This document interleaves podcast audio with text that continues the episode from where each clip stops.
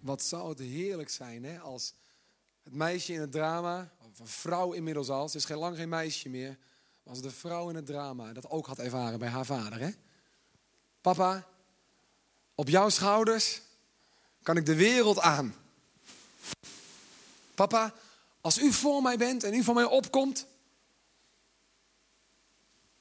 Dat zijn emoties die daar anders zitten, die we allemaal herkennen, denk ik. Dat willen we toch? We willen toch een vader. Ik heb het nu over aardse vaders, hè? En een moeder die, die in ons geloven. Die zeggen: Hé, hey, ik ben zo trots op jou. Als ik jou bezig zie, dan denk ik: Wauw, wat geweldig. En ik wil je ook helpen om jouw dromen waar te maken. En ik wil je ook helpen om wat er in jou zit aan talenten, om dat tot ontplooiing te zien komen. Ik wil bij je zijn. Ik wil aan jouw kant staan. Oh, wat had die vrouw dan anders hier gezeten in drama. Hè? Als ze zo'n vader had gehad in haar kindertijd, had ze niet zo laag over zichzelf gedacht op oudere leeftijd. Bevestiging, woorden zijn zo belangrijk.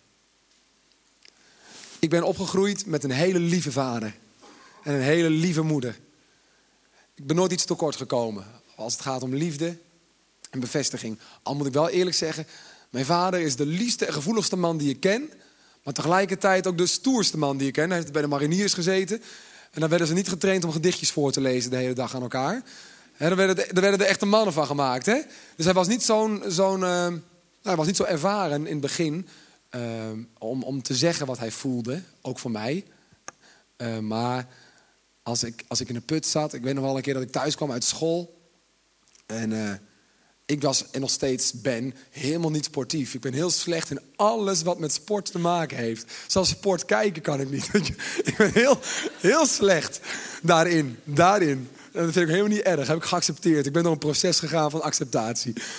Maar um, toen ik dus een keer op het schoolplein, op de basisschool, groep 8, ik weet het nog. En soms als ik eraan denk, moet ik weer huilen. Uh, niet om wat er op het schoolplein gebeurde, maar wat er thuis gebeurde. Ik zal het vertellen. Ik mocht niet meedoen met jongens-meisjespakkertje. Want ik was te langzaam. Ja, als hij bij ons in team zit, verliezen we. Werd er gezegd op het schoolplein. Dus uh, jij mag niet meedoen hoor, Martin. Als enige. Oh, oh, oh. Ja, nu kan ik het een beetje glimlachend vertellen. Maar op zo'n moment, als je in groep zit, ik bijvoorbeeld 6, 7 of 8 zit. Um, dan wil je dat toch niet? Dan wil toch juist dat ze zeggen, oh Martin, uh, kom maar bij ons. Oh, als jij bij ons meedoet, oh, dan gaan we winnen. Nee, ik werd eigenlijk een beetje afgewezen. En dat deed pijn. Dus ik kwam thuis, ik had me groot gehouden op school. Ik was heel stil geweest de rest van de dag. En ik kwam thuis en ik zette toch een potje op een janken. Tenminste, in het begin nog niet. Ik zat stil aan tafel. Eten. Is er wat, Martin? Is er... Martin, wat is er nou? Nou, ik mocht niet meedoen met jongens, meisjes pakken. Nou, en ik zal nooit meer vergeten dat mijn vader, dat hij, dat hij uh, naar mij luisterde. En dat hij eerst zei, wie? Wie? Van wie mocht je niet meedoen? Nou, van, eigenlijk van niemand. zielig, hè? Ik ga er een keer een boek over schrijven, heel zielig was het. Eigenlijk van niemand. Ja, maar dan, weet je wat je doet? Dan ga je naar het bos en dan pak je de, de, de, grootste stok die er ligt. En dan sla je de gemeenste, die sla je gewoon. En dan zullen ze dat nooit meer in hun hoofd halen om jou zo'n pijn te doen. Kijk, hij zei het stoer. Hij zei het als een, nou, van kom op voor wat, hè, kom op voor je recht. Laat niet op je kop zitten. Hè, kom voor jezelf op. Hij zei het vanuit een goede bedoeling, goede intentie. Maar het past helemaal niet bij mij om een stok te pakken. Ik, ik was al bang bij het idee om een stok. Uh, nou, en nu uh, gooi ik hem weer weg. Ja, het, het zou niet bij me opkomen. Maar toen, na die boosheid, zeg maar, op die jongens, niet op mij, maar op wat mij overkomen was. Toen begon mijn vader te huilen aan tafel.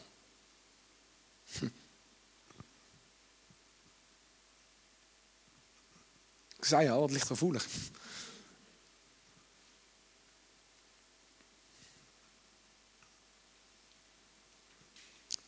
Tien. Hij zei, als ze aan jou komen, komen ze aan mij. En als jij verdriet hebt,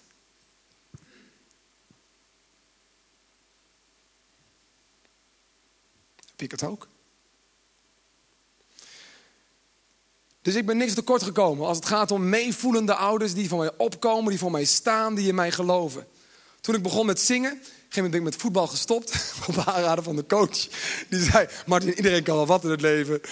Maar voetbal is het niet voor jou. ik ben ermee gestopt en ik was heel blij dat ik mocht stoppen ook. En ik ben gaan zingen. En mijn ouders hebben me altijd ondersteund. Gingen naar de uitvoeringen toe. En ze waren trots. En als ik aan een talentenjachtje meedeed en een keer een van de prijzen won, dan was mijn vader al hartstikke trots. En als ik niet won, was hij ook hartstikke trots. Ze, ze stonden voor me en dat is, dat is heel bijzonder. En dat hebben we allemaal nodig. Woorden over jouw leven uitgesproken, over uw leven uitgesproken, die verliezen niet hun kracht. Dat blijft bij. Als mensen aardige dingen over je zeggen of over je hebben gezegd, vergeet je dat nooit meer. Je weet nog precies wie het zei, wanneer het was, hoe ze keken. Maar met negatieve woorden, als iemand ooit tegen jou gezegd heeft: Hé, hey, jij bent zo dom. Snap je het nou nog niet? Alle mensen, wat ben jij toch? Nou, nog één keer. Zo zit het. Snap je het nu? Jongen, jongen, jongen, jongen, jongen. Dat hè? Dat vergeet je ook nooit meer. Weet dat toen ik uh, opgroeide was ik nog geen christen. En ik was vroeger, uh, ik was niet stoer, maar ik tyranniseerde thuis wel de boel met mijn woorden. Ik ben altijd een prater geweest. En met mijn tongetje was ik heel snel. Heel snel praten. En dan kon mensen dan heel erg mee raken. En ik gebruikte dat, mijn woorden, gebruikte ik als een, als een wapen. Om mensen op afstand te houden, want ik was eigenlijk als de dood dat ze dichtbij zouden komen mij konden raken. Dus met mijn woorden, tjak, tjak, prik, prik. Vooral naar mijn broertje, mijn zusje, de mensen heel dicht om mij heen. Ik manipuleerde, dus ik wilde altijd mijn zin hebben. En ik, als ik niet mijn zin kreeg, dan kon ik sneerharde opmerkingen maken. Dus heb ik mijn zusje, toen wij samen opgroeiden thuis, enorm beschadigd. Met wat ik tegen haar allemaal heb gezegd in die tijd. Een van de eerste dingen die ik ook uh, moest doen, geloof ik echt, die ik voor God moest doen, op het moment dat ik tot bekering kwam, dat ik christen werd, is het goed maken met mijn zusje en met mijn broertje en mijn ouders voor wat ik allemaal gezegd had. Jarenlang. En ik zeg het nu, met het risico dat jullie allemaal zeggen, boe, wegwezen met die Martin Brand, wat een slechte kerel. Ja, mensen zijn van nature um, niet geneigd om iedereen tot zegen te zijn met hun woorden. We zijn heel vaak bikkelhard. En zeker als mensen onzeker zijn, dan zijn ze des te harder voor anderen. Dat wil ik jullie ook voorlezen uit de Bijbel. De Bijbel spreekt daarover. Over die hardheid. Ik, uh, ik heb in Romeinen 3, dat is een brief die Paulus schrijft aan, uh, aan de Romeinen. En uh, hij schrijft iets over hoe mensen zijn, hoe mensen kunnen zijn. Ik heb een Drie regels heb ik opgeschreven uit die tekst. Uit Romeinen 3, vers 13 en 14 staat het. Kijk maar eens of je het herkent uit je eigen leven of van sommige mensen om jou heen. Het gaat over mensen die van nature het verkeerde doen. Hun keel is een open graf. Hun tong is bedriegelijk, dus ze spreken bedriegelijke woorden. Achter hun lippen schuilt het gif van een adder. Nou, een adder ken je? Die wacht zijn kans af, vol gif. En dan, tjak, op het goede moment bijt hij toe, hapt hij toe. Om te, om, te, om te vergiftigen. Hun mond is vol vervloeking en venijn. Nou, zo was ik dus vroeger. Naar de buitenwereld niet hoor. Naar de buitenwereld was ik een soort ideale schoonzoon. Probeerde ik, uh, die schijn probeerde ik op te houden. Maar voor de mensen die me echt kenden, thuis, nou, was ik misschien wel een beetje zo. Vol venijn. Vol venijn. Om op die manier macht, macht uit te oefenen, machtig te zijn. In Jacobus, dat is een andere brief in de Bijbel, schrijft Jacobus ook over onze woorden, onze tong. Als het over praten gaat, wordt het in de de tong genoemd, de zonde van de tong. Met de tong spreek je natuurlijk, het spraakorgaan. Moet je horen wat er staat in Jacobus. Um, hoe vaak struikelen we niet allemaal? Nou, dat, is, dat is ook alweer bemoedigend. We struikelen allemaal.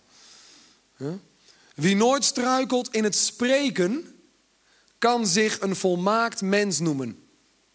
Die in staat is om zelfs het hele lichaam in toom te houden. Zo. Dus als je je spreken onder controle hebt, zegt de Bijbel, dan ben je in staat om je hele lichaam onder discipline, onder controle te brengen. Zo groot is die overwinning over het spreken. Paarden doen we een bit in de mond om ze te laten gehoorzamen. En zo kunnen we hun hele lijf sturen. En kijk eens hoe reusachtige schepen, voortgestuurd door hevige wind, met een klein roer de richting wordt gegeven, die de stuurman bepaalt. Zo is ook de tong een klein orgaan, maar wat een grootspraak kan hij voortbrengen. Bedenk eens hoe een kleine vlam een enorme bosbrand kan veroorzaken. Onze tong is net zo'n vlam, zegt Jacobus. Een wereld van onrecht die onze lichaamsdelen in brand kan steken. Want hij besmet het hele lichaam. En dan staat er iets verderop. Met onze tong kunnen we de Heer zegenen. Ook christenen kunnen soms heel goed eh, christelijke liedjes zingen van God. God, ik hou van u. Oh ja, u bent zo geweldig. Maar met diezelfde tong, met diezelfde mond, kunnen we misschien een dag later of dezelfde dag over iemand anders roddelen. Ja? Heer, ik hou van u. Maar wat is maar groot toch verschrikkelijk. Ehm, hè? Dat is dan een beetje het principe. Ik hou van u, maar naar onze omgeving kunnen we soms heel andere woorden gebruiken. En heel ander effect ook bereiken met onze woorden. Dat staat hier. Uh, met onze tong zegenen we onze Heer en Vader. En we vervloeken er mensen mee die God heeft geschapen als zijn evenbeeld. Uit dezelfde mond klinkt zegen en vervloeking. Dat kan toch niet goed zijn, broers en zussen, zegt Jacobus. Laat een bron soms uit één ader, dus één bron, bitter en zoet water opwellen? Nee. Nou goed, en dan gaat het nog verder over dit onderwerp. Wat zegt de Bijbel nou? De Bijbel zegt dat zoals wij hier zitten, allemaal, niemand uitgezonderd, of je nou gelooft in God of niet. Ja, God gelooft sowieso in ons. En ik geloof in de, in, in de waarheid van de Bijbel. wat ik al zeg, dat is niet altijd zo geweest, maar ik sta er nu met twee benen stevig op. Ik geloof dat echt. En die Bijbel zegt dat God houdt als een vader van ons allemaal. Hij kent ons allemaal persoonlijk. Denk eens even na over mijn vader. Hoe emotioneel hij werd uiteindelijk toen zijn kind geraakt werd. Toen ik verdrietig thuis kwam omdat ik niet mee mocht doen met, met dat spelletje en me afgewezen voelde. Niet goed genoeg voelde. Daar komt het eigenlijk op neer. Hoe mijn vader daar verdrietig om was. En boos. Omdat het niet, niet goed was wat mij overkwam. Niet eerlijk was. En, en, en, en uh, ja, barsten in mijn hart maakte. Mijn vader was verdrietig. Ik geloof dat God op dezelfde manier zijn hart verbindt met jou. En als jij gekwetst wordt, als iemand het in zijn hoofd haalt om tegen jou te zeggen: met jou wordt het niks. Weet je, wie geboren wordt voor een, zal nooit een worden. Wat is het voor een dubbeltje zal het een kwartje worden, toch? Ik twijfelde. Ja, dubbeltje, kwartjes hebben ze niet eens meer. Maar wie geboren wordt voor, voor iets kleins, zal nooit groot worden. Blijf dan maar gewoon. Jongen, jongen, wat denk je nou? Wat haal je in je hoofd? Dat met jou wat kan worden? Zoals die vader in het drama. Als iemand het in zijn hoofd had om zo tegen jou te praten. Als iemand het in zijn hoofd had om jou met zijn woorden of haar woorden een verkeerd beeld van jezelf te geven, dan raken ze daarmee niet alleen jou, maar ze raken daarmee ook God. Ze hebben een probleem met jou, maar ze hebben ook een probleem met God. Geloof ik. Want God komt op voor zijn kinderen. En hij voelt mee met zijn kinderen. Hetzelfde geldt andersom. Als jij of u met uw woorden andere mensen beschadigt. Iets op een ander legt. En dat kunnen we zomaar doen. Ah ja, ja.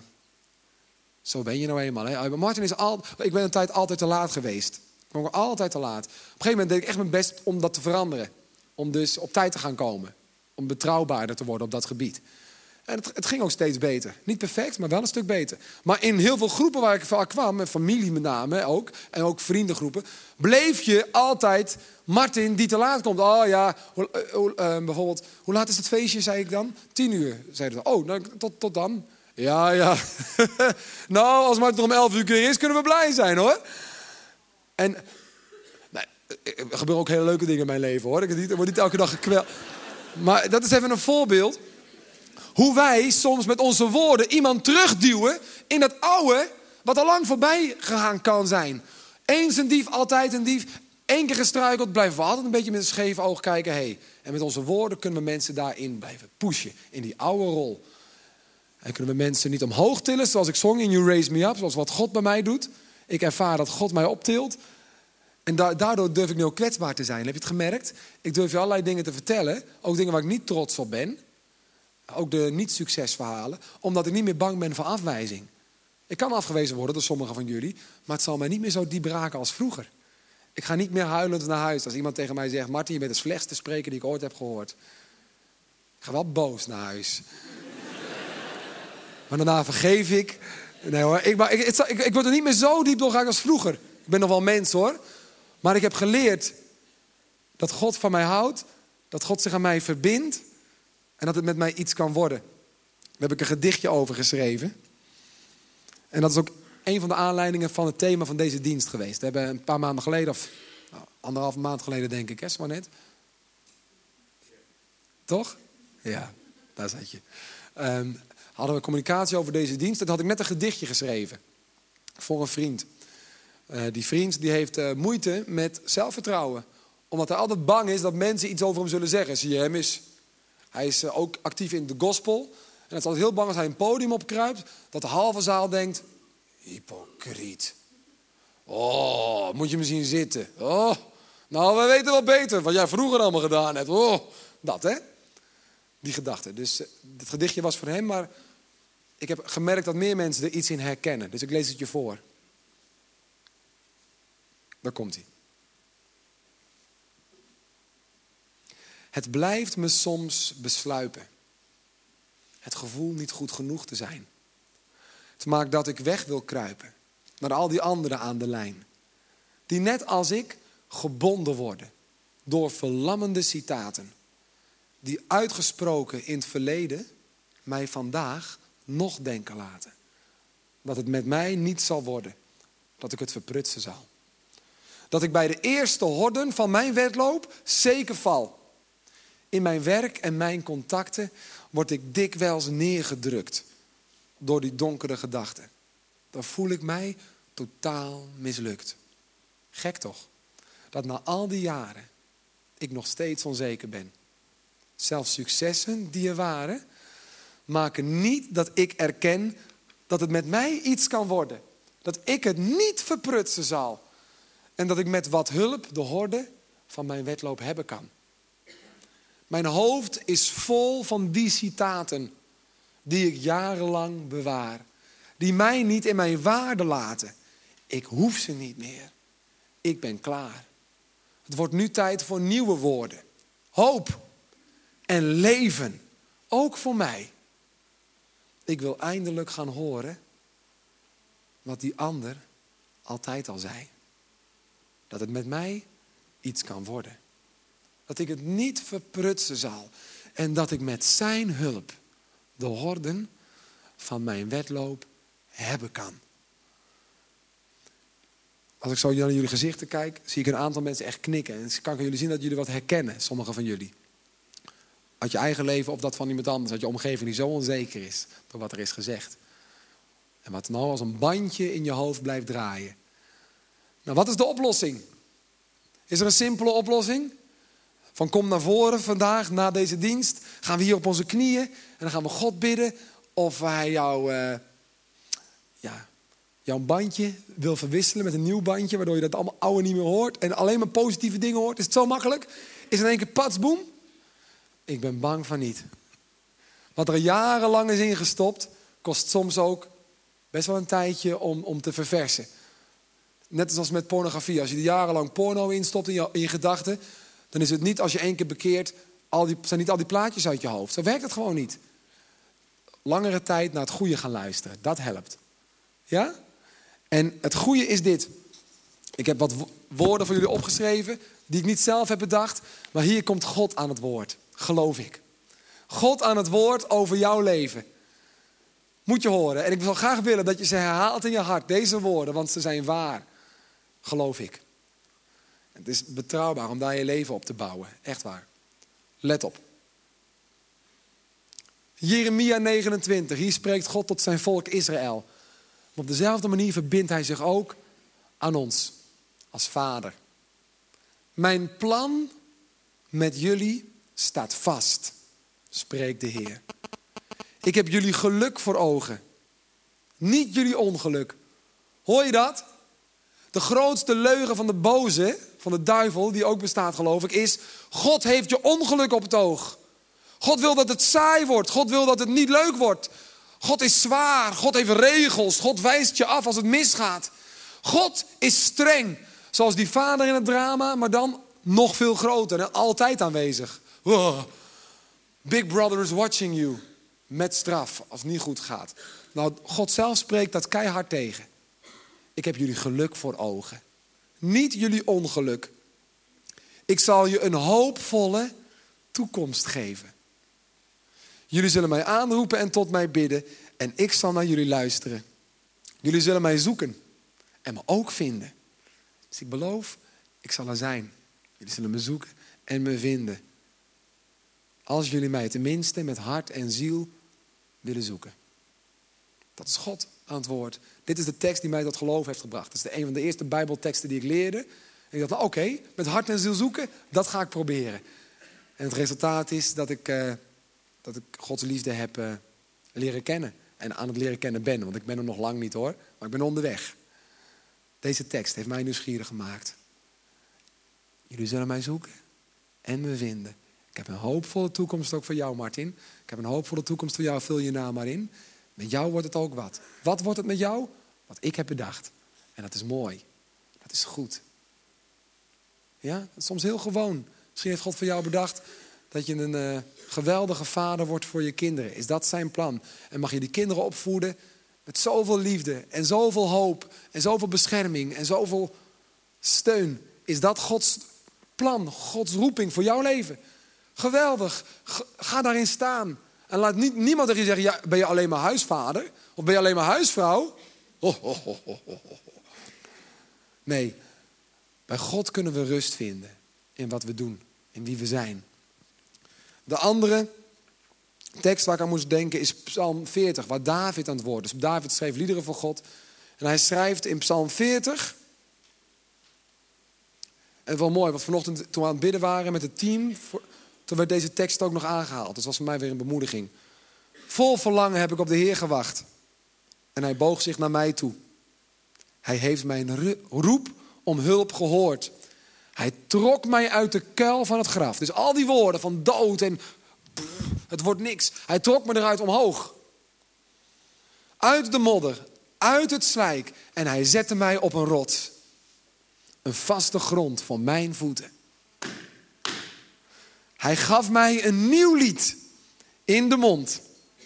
Een lofzang voor onze God. Mogen velen het zien en vol ontzag gaan vertrouwen op de Heer. Wat een verhaal. Hij trok mij omhoog uit het graf. En nu heb ik hoop voor de toekomst. Als iemand mij vraagt om uh, mijn geloof samen te vatten, vind ik dat heel moeilijk. Maar mij schieten vaak liedjes te binnen. Dat is een beetje hoe ik in elkaar zit. En de laatste weken, als iemand mij dus vraagt, wat is dat geloof? Dan heb ik een liedje. Dan zeg ik vaak, geloof is voor mij kracht voor vandaag en hoop voor de toekomst. Wat doet Jezus voor jou? Jezus geeft mij kracht voor vandaag. En van morgen komt weet ik niet, maar ik heb er hoop in. Voor morgen, dat het ook morgen goed zal zijn. En ook als het moeilijk is in mijn leven, geeft hij mij kracht voor morgen. Kracht voor vandaag. Blijde hoop voor de toekomst. Kennen jullie dat lied? Sommigen zijn misschien in de kerk wel eens geweest, uh, misschien heel vaak. Dat zou kunnen hoor. Kracht voor vandaag, blijde hoop voor de. Groot is uw trouw, o Heer, daar komt het uit. Ja, nou prachtig. En, en daar wilde ik het zo'n beetje bij laten. Uh, wat betreft wat ik wilde delen met jullie. Maar nu wordt het wel even persoonlijk. Ik ben vandaag eerlijk geweest. Uh, en ik zou nu graag een moment willen, willen, willen ja, neerleggen eigenlijk. Dat wij eerlijk kunnen worden. Naar onszelf en naar God. Uh, even kijken, hey, wat zijn die stemmen die door onze gedachten gaan? Hoe denken wij nou over ons af? Waar komt het eigenlijk vandaan? Ja? Je hoeft jezelf geen trauma aan te praten hoor, als het er niet is. Dus het wordt niet een soort, uh, we zijn allemaal zielig verhaal, maar er zijn misschien dingen. Zijn misschien dingen die er niet horen in je denken. En ik wil heel graag dat we dat vandaag naar God gaan beleiden. Dus zeggen tegen God, het is zo, dat is beleiden. Heer, ik ben het met u eens, het hoort er niet. U heeft hoop voor de toekomst. En dat we gaan vragen of God dat wil vervangen die negativiteit met hoop. Vlak voor de dienst begon sprak ik een uh, heel gaaf echtpaar uit uh, Vierhouten. En, zij organiseren daar diensten en vorige week was ik bij hun. En toen hebben we het ook over hoop gehad. Jezus leeft, als Pasen natuurlijk. Jezus leeft en ik met hem, dus ik hoef niet bang te zijn van morgen. Er was daar een vrouw in de dienst, ik hoorde het net, ik was heel blij. Die vrouw die was altijd angstig, ook s'nachts, weet je wel. Onverklaarbare, uh, grote angst. Misschien heb je het ook wel eens gehad.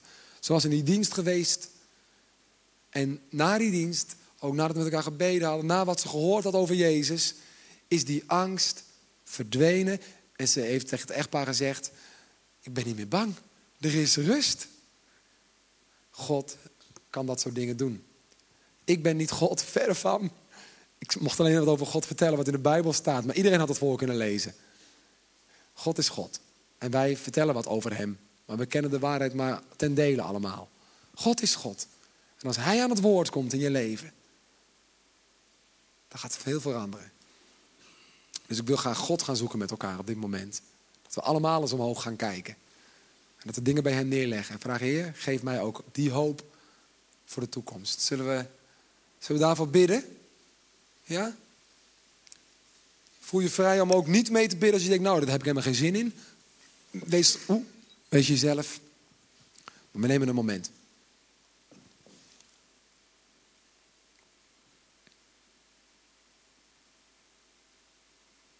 Heer, onze gedachten gaan uh, naar allerlei momenten op dit moment. Dat dingen over ons gezegd zijn door docenten, misschien wel de dominee, onze familie. Heer, en, en sommige woorden die hebben zo'n kracht, die galmen zo na.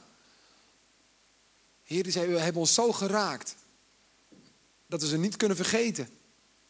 Heer, en ook al denken we er niet elk moment van elke dag aan is, ze zitten er wel. En we, en we worden er af en toe zo pijnlijk aan herinnerd, wat er toen gezegd is. En soms gaan we ze haast twijfelen van, zou het zo zijn? En gaan we leven naar die ja, vervloeking wat het soms kan zijn. Geloven we niet in onszelf? Of worden we onzeker in een groep omdat we bang zijn dat mensen ons afwijzen? Maar vader, vandaag hebben we gehoord dat u zich verbindt met ons. En dat het uw wil is dat wij een hoopvolle, onbezorgde toekomst zullen hebben. Dat u een plan met ons heeft. Dat u onze maker bent. Dat u onze naam kent. Dat u de haar op ons hoofd heeft geteld. Dat is bij de een moeilijker dan bij de ander, Heer. Heer, u heeft, u heeft ze geteld. U weet hoe het met ons gaat. U weet alles. Heer. En op dit moment willen we tot u komen. En ik wil jou heel graag de kans geven om misschien in een persoonlijk gebed, misschien fluisterend, misschien in je hart. God hoort alles bij God neer te leggen waarvan jij denkt, ja, hier wil ik zo graag vanaf. Hier heb ik hulp bij nodig. Neem gewoon maar een moment om, om dat uh, in gebed te brengen als je wil.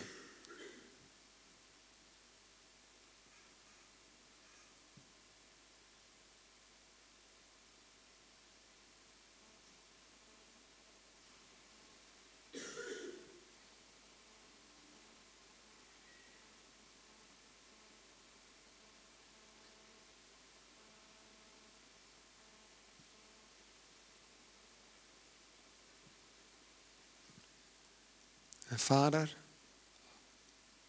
tegelijkertijd willen we ook erkennen dat ook wij zelf zo snel zondigen met ons spreken. Dat we dus onze woorden verkeerd gebruiken. Heer, dat we anderen niet altijd opbouwen, maar ook soms afbreken. Of naar beneden trekken.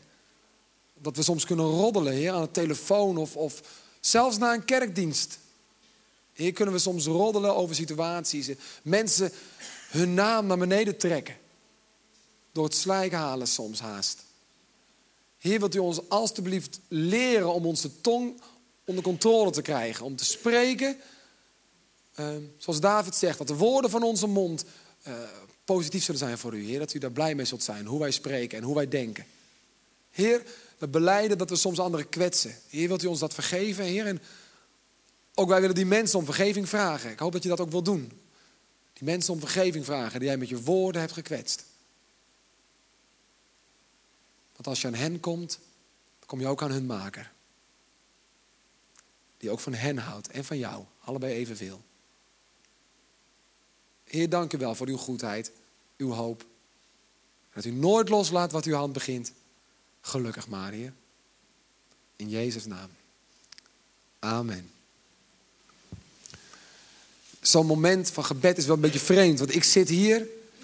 Kan je vertellen dat ik geen gedachten kan lezen. Uh, en ik vul in één keer dat gebed in voor een hele groep mensen. Dat is zo een beetje gek. Ook ergens een beetje, denk ik, een beetje arrogant vind ik het ook haast. Dat je jullie gebed gaat invullen. Um, daarom wil ik heel graag tegen je zeggen, na de dienst, en wordt misschien zo nog wel een keer even verteld hoe het praktisch gaat, kan je gewoon komen. Zijn er mensen beschikbaar om even naar jou persoonlijk te luisteren? En als je wil, misschien samen met jou nog iets bij God te brengen. Of misschien gewoon simpelweg er even te zijn om je verhaal te horen. Daar hebben we tijd voor. Je bent niet tot last. Je bent belangrijk. Ja? Dus kom dan alsjeblieft naar een van het team toe. Ehm, dat wou ik gewoon even gezegd hebben. Ik wil een lied gaan zingen. En ik kijk al een paar keer achter, maar er zit nog geen pianist. Ah, daar komt hij aan. Ik heb hem ongeveer anderhalf uur geleden gevraagd of hij dit lied wilde begeleiden, wat hij nog nooit gehoord had. Hij zei, tuurlijk. dus ik wil graag hem bedanken met een applaus. Zullen we hem danken, wel zeggen?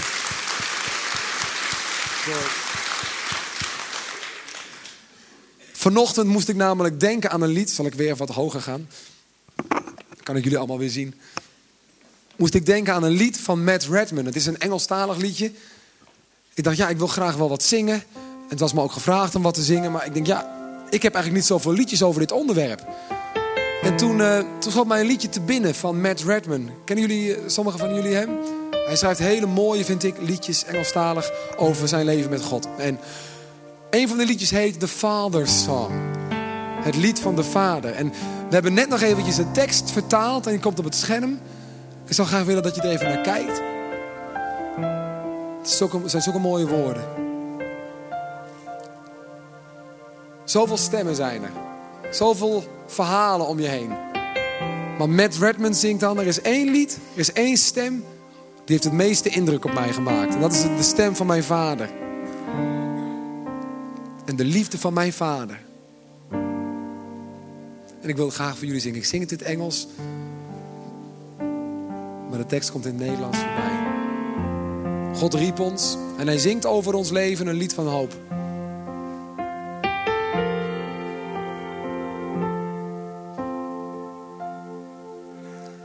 I have heard so many songs, listened to a thousand tongues, but there is one that sounds above them all. the Father's love, the Father's song.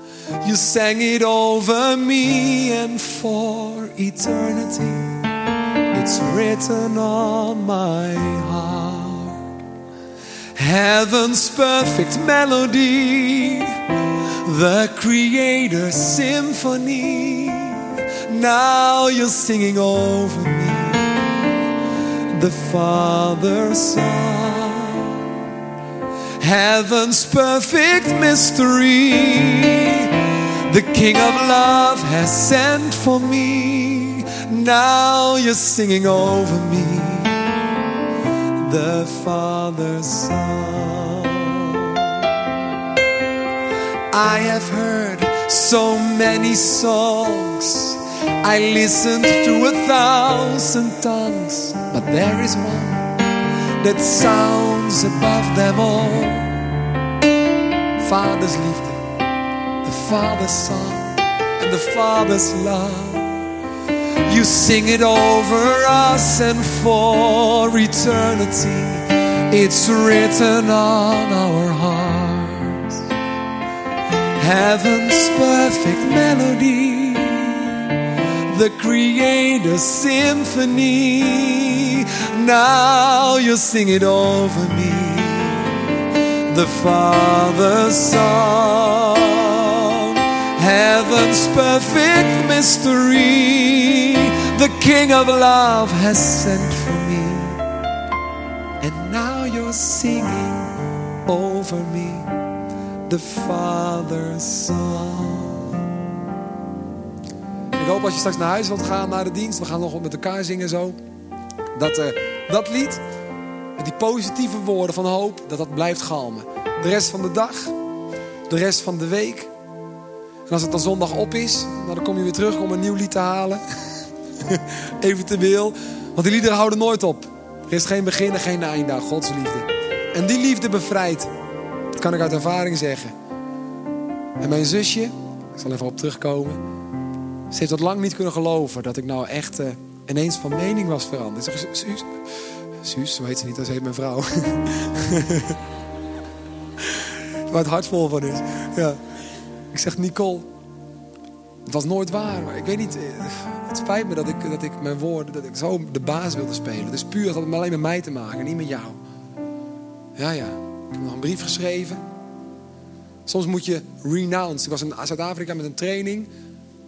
Het ging over het vaderhart. En toen ging het ook al over woorden. En toen zei die spreker, soms moeten we dingen um, renounce and replace, zei hij. Dus je moet eerst verbreken. Dus je bent niet dom.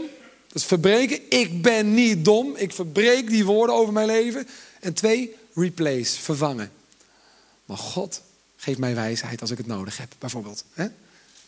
Ik ben niet dom. God, dus God vervangt het oude lied met een nieuw lied. En elke week, en ook thuis hoor, wil God je nieuwe liederen geven. Amen.